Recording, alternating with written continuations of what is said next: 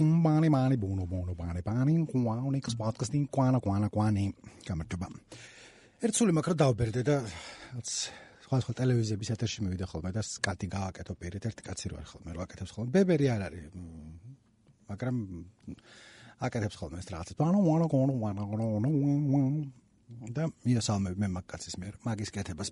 როგორ ახართ დღეს ესეთი კაცია მოვიფიქრე რომ გამეკეთებინა. მოვიფიქრე რომ დრო და დრო აი ძილის წინან რო გავიღვიძებ ხოლმე. რაღაცა არაადეკვატური მახსენდება ხოლმე და მე მაგის კვლევას ვიწყებ და ერთ-ერთ რაღაცა ეგეც გაგაცნობთ. სახელდობრ ამ ორი დღის წინ გავიღვიძე ჯერ კიდე გაღვიძებული არ ყო რა ადგები და რაღაცა და უცებ გამახსენდა ერთი პასაჟი წიგნიდან რომელიც წავიკითხე. იმიტომ რომ ხანდახან წიგნებს ვკითხულობ ხოლმე ეგრე არ არის თქვა რო კონიათ რო საერთოდ არასდროს არაფერი.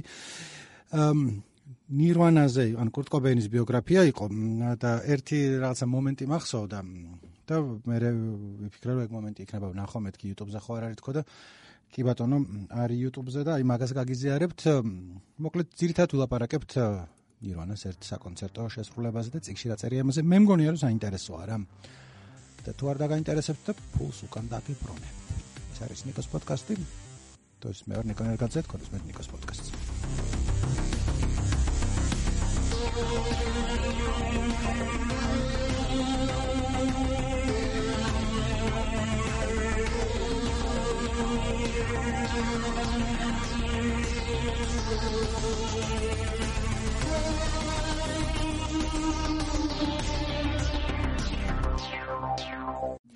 მოკლედ გამახსენდა ეს სულ თავიდან დავიწყებ რამდენიმე ბიოგრაფია არსებობს კურტ კობეინის. საკეთენ ორი მაგ წაკითხული. ერთი არის Heavier Than Heaven, რომლიდანაც მოვიყვან ახლა რაღაცა პასაჟს, რაც გამახსენდა და მოგიყვებით ამ კონკრეტულ ამბავს. და მეორე არის კიდე Kamezwar. Kamezwar არის ადრე დაწერილი, ჯერ კიდე კობეინი ცოცხალი იყო და ცოტა სხვანაირი ბიოგრაფია არის. ის რაც სევდა არ ახლავს თან და ისეთი არა ორივე საკაიფოა და შეიძლება დასაწყისში გაგისტათ შეკითხვა რატომ აქ ორი ბიოგრაფია კობეინის საკითხული როცა შეიძლება იფიქროთ რომ ნიკო გიცნობ და მაგდენსაც არ კითხულობ ეხა რა ხო არა და არც არასდროს თქვათ ნირვანა ჩემი საყვარელი ჯგუფი არ ყოფილა მაგრამ რაღაც პონჩი იყო. რაღაც პონჩი ვინც 90-იანების შველაბე ვარ 90-იანებში კი არ დავიბადეთ მაგ დროს უკვე მახსოვს მოკლედ. Smells like teen spirit რო გამოვიდა ბუნდოვნად მაგრამ მახსოვს ეგ ამბავი და კობეინის სიკვდილიც განვიცადე როცა მოკვდა მაშინ. ჩვენთვის ამის მუსიკას უსმენდით კობეინი არ იყო უბრალოდ რაღაცა მუსიკალური მოვლენა დღემდე არის ერთ-ერთი რაღაც ხო იცი წმინდანები რო არიან ხო რაღაც ტიპი რომელიც არსებობს აა არ ვიცი რაღაც ტანჯული ხელოვანის ხატება რომელმაც ყველაფერი შეცვალა. და ეხა 90-იან წლების დასაწყისში კი არ ვიყავი იმ ხელარ რაღაც ყველაფერი შესაძლებელი მქონოდა მაგრამ მახსოვს რა პირველად smells like teen spirit MTV-ზე რომ მოვისმინეთ რომ ჩვენთან აჩვენებდნენ და გავკითხე ეს რა არის ეს რა არის? Don't load up on guns bring your სულ სხვა ამბავი იყო. მაშინ მეტალისტად მივიჩნევდი თავს უფრო fuck punk რაღაცებს წერდი ხოლმე და აა იცი რა რო თქვი რომ ნირვანა ჩემი საყვარელი ჯგუფი არ ყოფილა მეთქე გრანჯის თაობიდანაც ალბათ ფრელჯემი უფრო მიყვარდა და არა ამარტო მე არ ვიყავი ეგრე შეიძლება ფრელჯემს მეტი კონდეს გაყიდული ვიდრე ნირვანას თავის დროზე მაგრამ კობენი მაინც სხვანაირად პარადიგმის შემცვლელი შემცვლელი ტიპი იყო, რომ უცებ გამოჩნდა და თან ტიპი იყო ესეთი, იმაზე უკეთესი კი არა, ნუ, მაგრამ მაინც თან რომ თავი მოიკლა ახალგაზრდა მოკვდა, ცოტა ხანი იყო იქ და ტოვა ეს რაღაცა, ნუ, რამდენი ალბომი აქვს? ორი, ხო, დიდი, ანუ სრულფასოვანი რაც არის, იმის ინსესტი საიტს და იმას ართული. ნუ ბლიჩი რატო სამი, კარგი, კარგი. სამი და ამფლაგდი და კიდე რაღაცა იქ. აქა-იქ რაღაცეებია, სინგლები, ამბები. ჰორმოუნინგი მოკლედ რა. პრინციპში იმდენიც რაცა გამოშვებული ყველაფერი მოსმენილი მაქვს და რაღაცებს სერჩავდი რედიტზე და არაერთ ადამიანს ქონდა დასმული შეკითხვა რომ მართლა ეგრე იყო თუ არა ვინც პატარები არიან შედარებით რომ რომ გამოჩნდა ნირვანა ყველაფერი შეცვალაო და რაღაც პონჩი მართლა ეგრე იყო რა. ანუ როგორც წესი ხა კონვენციური ნარატივი არის ესეთი რომ მანამდე მეფობდა ჰეარ მეტალი MTV-ზე და ძირითადი წამყვანი მეინსტრიმული ჟანრი ეს იყო, რაღაც ჯგუფები Warranty, რაღაცა Poison-ი აი white snake-ი შეიძლება მან ბლომად ჯგუფები იყო hair metal-ი არის რომ თან მეტალი ქვია და თან რო არ არის მეტალი რეალურად pop სიმღერებს ვღერიან ოღონდ რაღაც name და მე როცა მოვიდა კობეინ და ყველაფერი შეცვალა რეალურად მე როცა შევისწავლე აღმოჩნდა რომ flat ეგრე არ იყო იმიტომ რომ hair metal-ი უკვე ბოლოსკენ იყო წასული და მე გამოჩნდა ეს nevermind-ი ალბომი და უცებ შეცვალა ყველაფერი მაგრამ მოკლედ nirvana-ზე კი არა მაქვს ერთ კონკრეტულ ეპიზოდზე მაქვს რომელიც გამახსენდა. მოკლედ პონტი არის ესეთი რა. და მე ეს ნახე და ამობეჭდე ციგნიდან ეგ მომენტი. რომ nevermind-ი უკვე ჩაწერილია, გამზადებულია, უნდა გამოვიდეს ცოტა ხანში და ამ დროისთვის nirvana არის ზომიერად პოპულარული ბენდი სიეტლში. ანუ ბლიჩი ვიღაცებს მოსმენილი აქვს თავისი რაღაცა ფანობა ყავს სიეტლში მაგრამ სოფლიოში ამერიკაში კი არა რაც სიეტლშიც არ არის ნომერი პირველი და მეორე ჯგუფი ანუ მელვინსი არ არის და რაღაცა ისეთი არა კაი ტიპები არიან ვიღაცებს ევასებათ ვიღაცებს არა.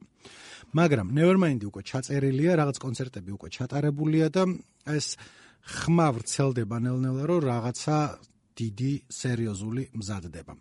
და იმიტომ რომ ცოტა წინ გადავახო თქვა ერთი ტიპის მონათხრობი მაქვს საკითხული ეხლა გამახსენდა უბრალოდ არ წინ არ მიდევს ეს კომენტარი მგონი Reddit-ზე ყვებოდა რომ აი სულ თავის დროზე მე მგონი Soundgarden-ის კონცერტზე იყო მისული რომლის ან შეიძლება Jam იყო მოკლედ რომელიღაცა მაგ გრანჟის სასტავის რო ჯერ კიდე გრანჟი რო არ ერქვა. მაგათ კონცერტზე მიდიოდა Nirvana იყო გამხსნელი Nirvana ჯერ დიდი ბენდი არ იყო.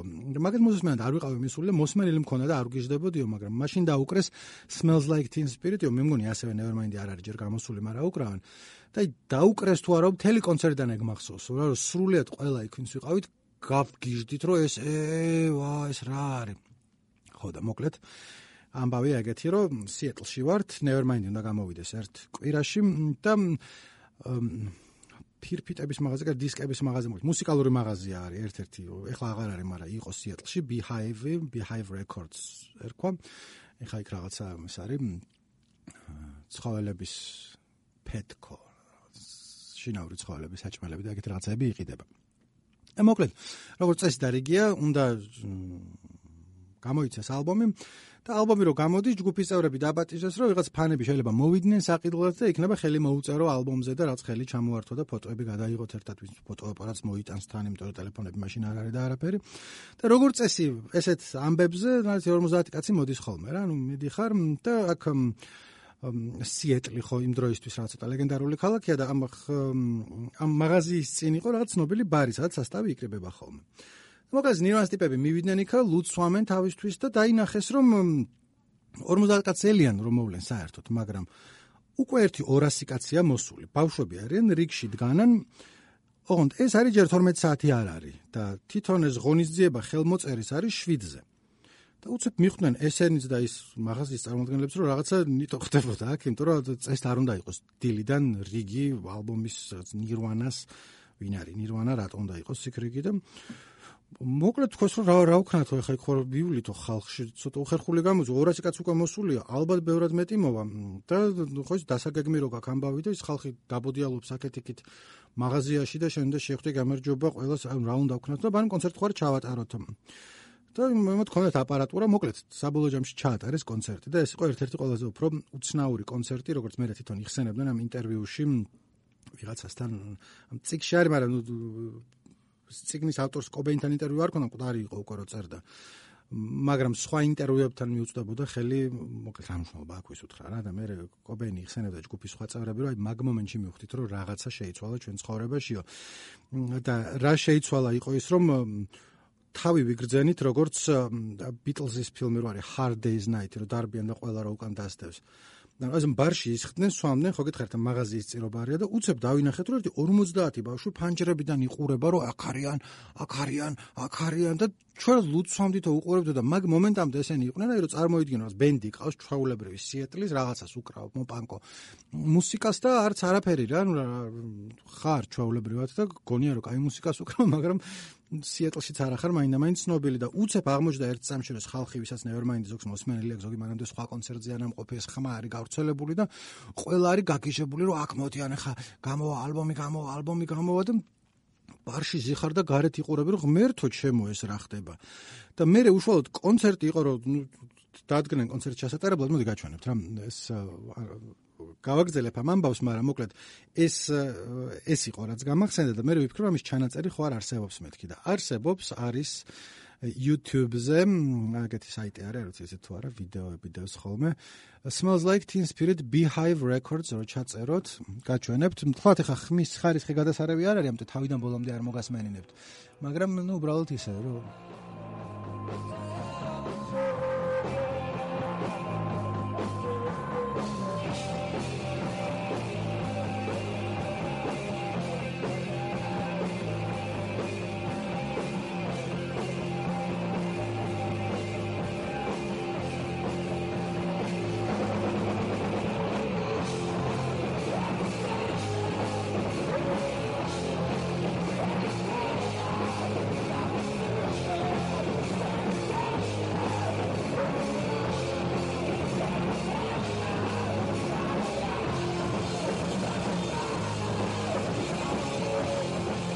კარგად არის მის, მაგრამ დუხი სოლის კვათაბა მოაქვს. ხო და ესე იყო თარო წარმოიდგინოთ რომ სცენა არ არის ან ეს ბენდი უკრავს ჩვეულებრივად რა ქვია სართულთ განან რა ჩვეულებრივად სცენა არ არის ამაღლებული ნაწილი გარშემო ეს ხალხი არის გადავსებული არის მაღაზია რაღაცეები ლამის მილეწესი ქავრობა და ბოლოს რეალურად ახლა ენერგია მოიტანა ხალხი ერთმანეთს ეჯახებოდა და მორჩნენ 45 წუთი დაუკრეს და გაჩერდნენ იმიტომ რომ კინაღამ იავარქმნილ იქნა მაღაზია და ამ დროს კურტი იხსენებს რა მაზალო შეგრძნება იყო, როდესაც გაიხედა და ნახა რომ სიეტლში ვინც ვინმე იყო მუსიკის სცენაზე, გარშემო სასტავი ვინც იყო, უამრავი ადამიანი, ვისაც იცნობდა მაგისი ახლობლები და კონცერტზე იყვნენ მოსული არა კონცერტზე, რა აი მოდი ძმაკაც ჩვენი კურტი არის და გავამხნევოთ და გვერდში დაუდგეთ, არამედ იყვნენ როგორც მოვლენაზე მოსული და ყველაზე უფრო ჟუტკი იყო, ესე იხსენებს რომ თავისი ორი ex-girlfriend-ი იყო აუდიტორიაში არა კიდევ ერთხელ გასამხნევებლად. მეგობრები იყო ანუ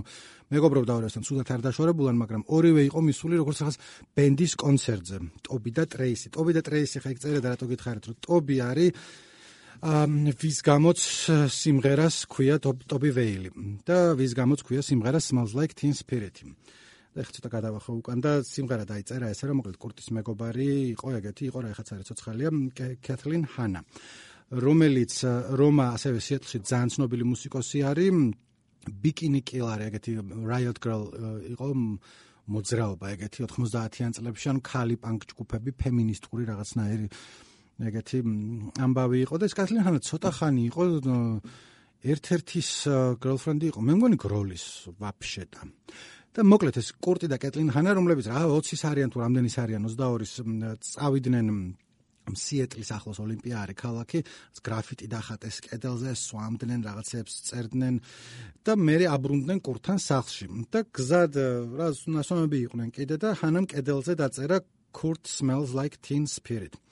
და მე კობეინი ხსენებდა ინტერვიუში, რომ თავიდან როგორც კომპლიმენტი ასე მივიღე, რაც რევოლუციური სლოგანი, რომ ახალგაზრდული სუნი სუნი მაქო და სინამდვილეში teen spirit არის, ახლა ვინცაც ნირვანა უყურს, ამისთვის ცნობილი ამბავია, დეზოდორის ბრენდი არის, ძალიან გავრცელებული ამერიკაში.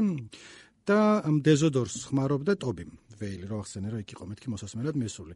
ანუ ამან დაწერა რომ დეზოდორის სუნი აგდისო შენი გერლფრენდისო ეს კურტი ვერ მიხვდა იმიტომ რომ არიცოდა დეზოდორის ბრენდი რო იყო და საერთოდ რომ დეზოდორის სუნი აზდიოდა იმიტომ რომ თვითონ იმავე ინტერვიუში ამბობ რომ არ არ მიხმარიაო მაინდა მაინც სპრეიო და დეზოდორსო არ ხმარობდიო.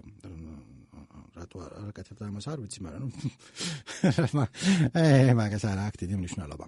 და მოუბრუნდეთ ახლა ისევ იმ მაღაზიაში სადაც ხალხი ყველაფერს ლეწავს და ესენი არიან. ბოლოში რომ დასრულდა მოკლედ კინაღამ ამბოხით დასრულდა ის კონცერტი რომ ხალხი გლეჯდა კედლებიდან პოსტერებს რომ და მე ნაწილებად გლეჯდნენ ამას რომ კობეინს ხელი ქონოდა მოსაწერი და მაგ დროს მიხვდა კობეინი რომ რაღაცა მე მგონი შარში ვარო იმიტომ რომ როგორც ახლა ციკში არის მოთხრობილი კომის ყოველთვის უნდა რომ ცნობილი ყოფილიყო. უბრალოდ კი არ ქონდა ბენდი.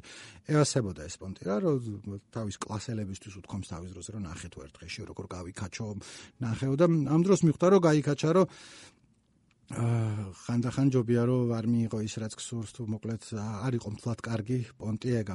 და ამ ყოველფრის კულმინაცია იყო რომ კონცერტი რომ მორჩა, მე გამოვიდნენ ესენი უკან რაღაც პარკინგზე მოსაწევად იდგნენ და ორი ტიპი მივიდა კობენთან მაგისი კლასელები.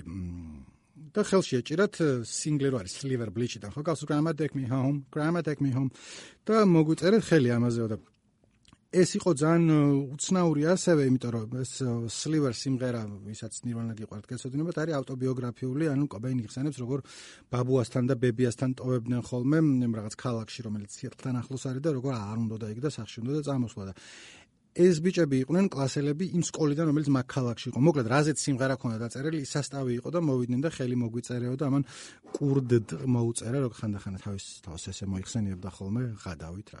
ე პანკი პონტი იყო, რომ კურტი და იმათ შეხედეს და ვერ მიხვდნენ კურტი რატო იყო და მე რაღაცას ლაპარაკობდნენ წიგში მოთხრობილი არის კლასელები უბნებიან რომ იქო ჩითავ ხოლმეო კიდევ სანაპიროზეო რომ ჩითავდით ხოლმეო და ამანო რა ვიციო მაინდა მაინც არაო და დაიშალნენ და აი მაშინ მივხვდიო რომ რაღაცა აი მაშინ მივხვდი რომ ცნობილი ვიყავიო კობერმა ჯერ კიდე საიდან ესოდენებოდა რადონის ცნობილი იყო და როგორ თაობის სახე იქნებოდა და კორტ კორტ ყველა ნაბიჯი მაგისი და რაღაცა კორტნილავი და მთელი ამბები მაგრამ ამ დროს მივხვდა რომ რაღაცა ხანდახან არ არის კარგი რაცა ცნობილი ხარ და ნოსელიც ციხე კრის ნოსელიცანს არის ინტერვიუ აქ რა აი მაშინ იმ კონცერტზე მივხვდიო რომ აი ყველაფერი შეიცვალა ვაფშე სხვა პონტი იყო და ძველი ბენდი აღარ ვიყავითო უნცეფო რაღაც ამის მერე კობეინი უკვე ცოტა სხვა ტიპი გახდაო და გაჭედაო მაშინ და მაშინვე გაჭედაო და აი თითქოს გვინდოდაო იმის მიღწევა რასაც მივაღწიათო და თურმე ეგ არ ყოფილაო და თან მე მთელი ის იყო ტურნე ქონდა დაგეგმილი ამერიკაში Nevermind-ი რომ გამოდიოდა რაღაც ვიღაცებთან ხო აქვს ურთიერთობა ხმის ჩამწერ სტუდიასთან და იმათ მე რეაქ თუ რაღაც ტურნეში მიდიხარ და დაუკრავდა თელეს ტურნე იყო აღმოჩნდა სიეტლის კონცერტი არაფერი იყო იმასთან შედარებით იმიტომ რომ ამასობაში Nevermind-ი გამოვიდა. გახდა მაიკლ ჯექსონი ჩამოაჩოჩა პირველი ადგილიდან მთელი ამბები იყო მაგრამ ეს ტურნე დაგეგმეს მანამდე როცა ნირვანა ჯერ კიდე ან გაიყიდებოდა ბილეთები ან არა. და ამიტომ ყველგან სადაც აი პირველი ტურნე დროს კონცერტები ჰქონდათ იყო პატარა დარბაზები სადაც რამდენიმე ათეული ადამიანი ეტეოდა.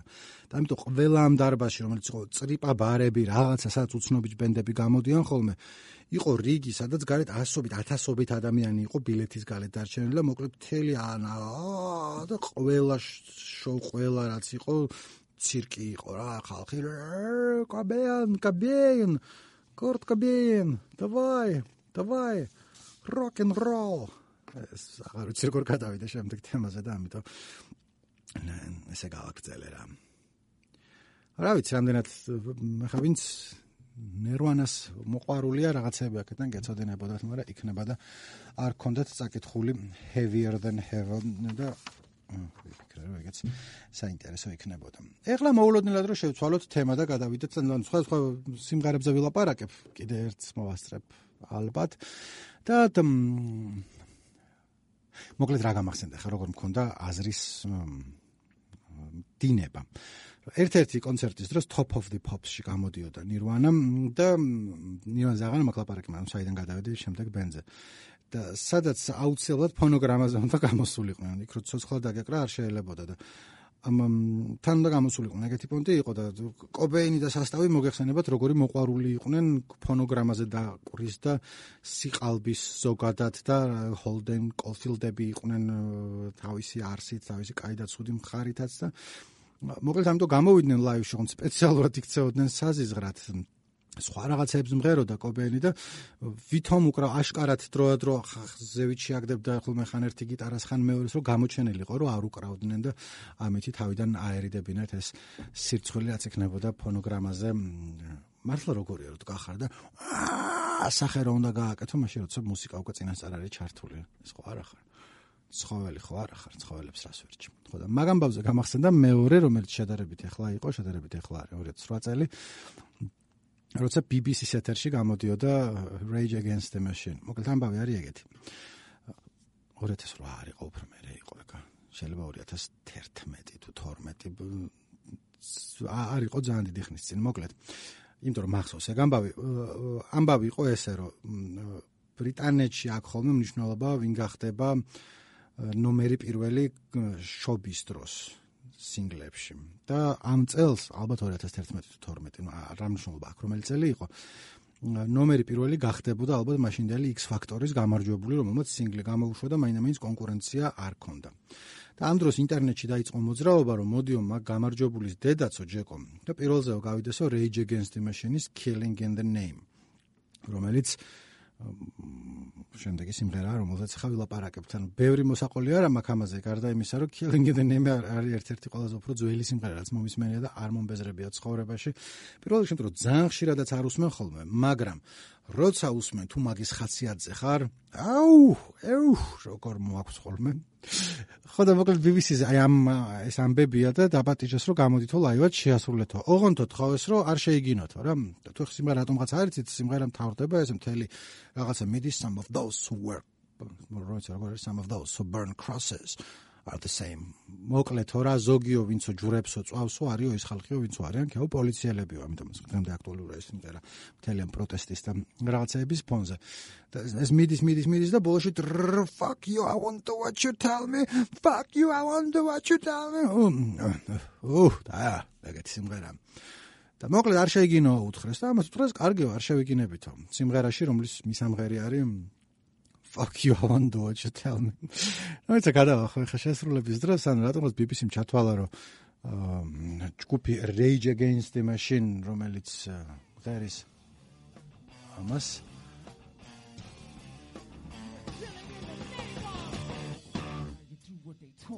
Now you do what they told you.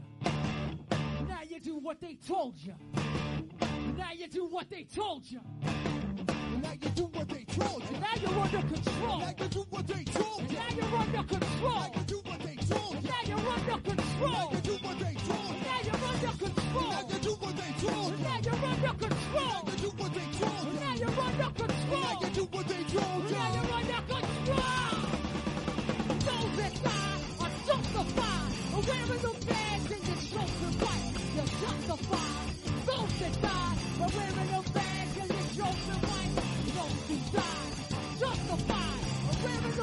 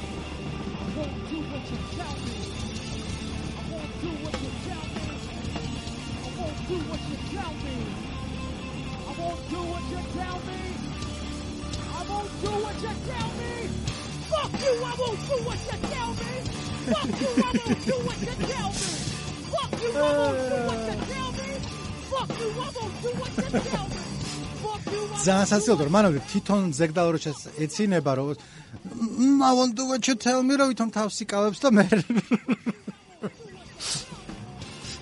აა შუათითით საღმართული აქვს რომ ვითომ რა ეხა Rage Against the Machine რას უზომდნენ მე თან ეხლა არის. უკვე ბენდი ნახევრად ცალიფეხი სამარეში აქვს და ახალს გამოუშვებენ თუ არა აღარ აქვს დიდი მნიშვნელობა გააჩნია ახლა თქვა ზაგდალარო ჩახან იმასთან ერთ ხოლმე მნიშვნელოვან ხალხთან ხან ამათთან მნიშვნელოვან ხალხთან რანდი ჯოლსთან გულისხმობ ძირითადად მაგრამ მაგრამ დიდი არაფერი ჩემი ასეთ რევოლუციური ჟესტი არ არის მაგრამ ძალიან სასაცილოა რომ ერთი შეუთანხმდნენ ამათ რომ ხო არ შეიგინებით ამ თქვენ არაო კაცო ისე ვიზამთო რა. Love you i won't do what you tell me. რა უნდა ეკნათ უბრალოდ? Freak you. F you i won't. ძალიან სასაცილო იქნებოდა ან პირიქით იქნებოდა უკეთესი რომ thank you i will do what you tell me. Thank you i will do what you tell me. Loving the machine თუ რაღაცა ის უნდა ერქვას რაღაცა სხვა. ალბათ გაინტერესებთ როგორ გადიოდა ეს სიმღერა რადიოში ან MTV-ზე, სადაც fuck you არ შეიძლება ხოლმე ესა.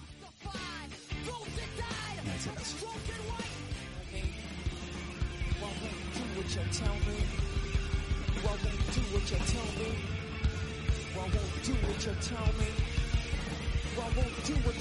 me I won't do what you tell me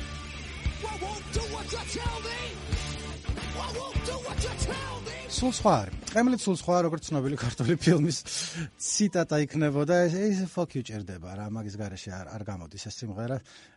თან ცენზურა რო ადევს ამას რაც I won't do what you tell me.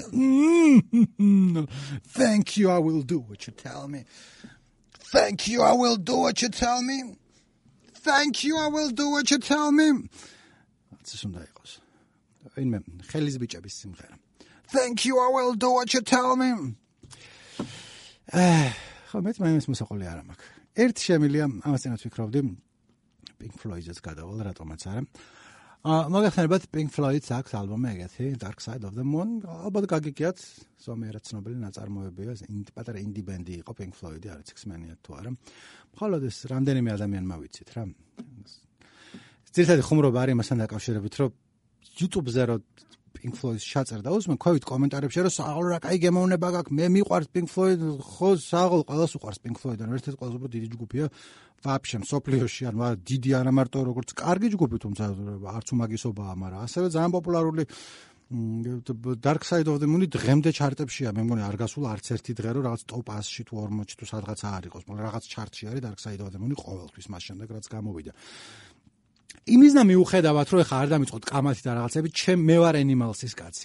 ფეხზე მკიდია, მე ვარ Animals-ის კაცი, ანუ ესეთი ორი ძირითადი მიმართულებაა Pink Floyd-ის მოყვარულთა შორის და მე ვარ ორივე ფეხით Animals-ის ხარ. და რატო არ ამახსნევინოთ, იმიტომ რომ არა მაქვს მაინდა მაინც ახსნა, მგონია რომ Animals-ი ჯობია და თუ კითხულობთ რომ აბა ვოლი, აბა ვოლი, ესე იგი არ ახართ Pink Floyd-ის ფანობაში, იმიტომ რომ ვოლი ყველას ძალიან უყვარს და ვოლის garaშე ნუ გაგვაძლებინა ღმერთმა და ძალიან მაგარია, მაგრამ ხო ხდებიან ფანობაში არის რომ უფრო ერთისკენ ხარ, ან უფრო მეორისკენ და მე ცალსახად ვარ Animals-ისკენ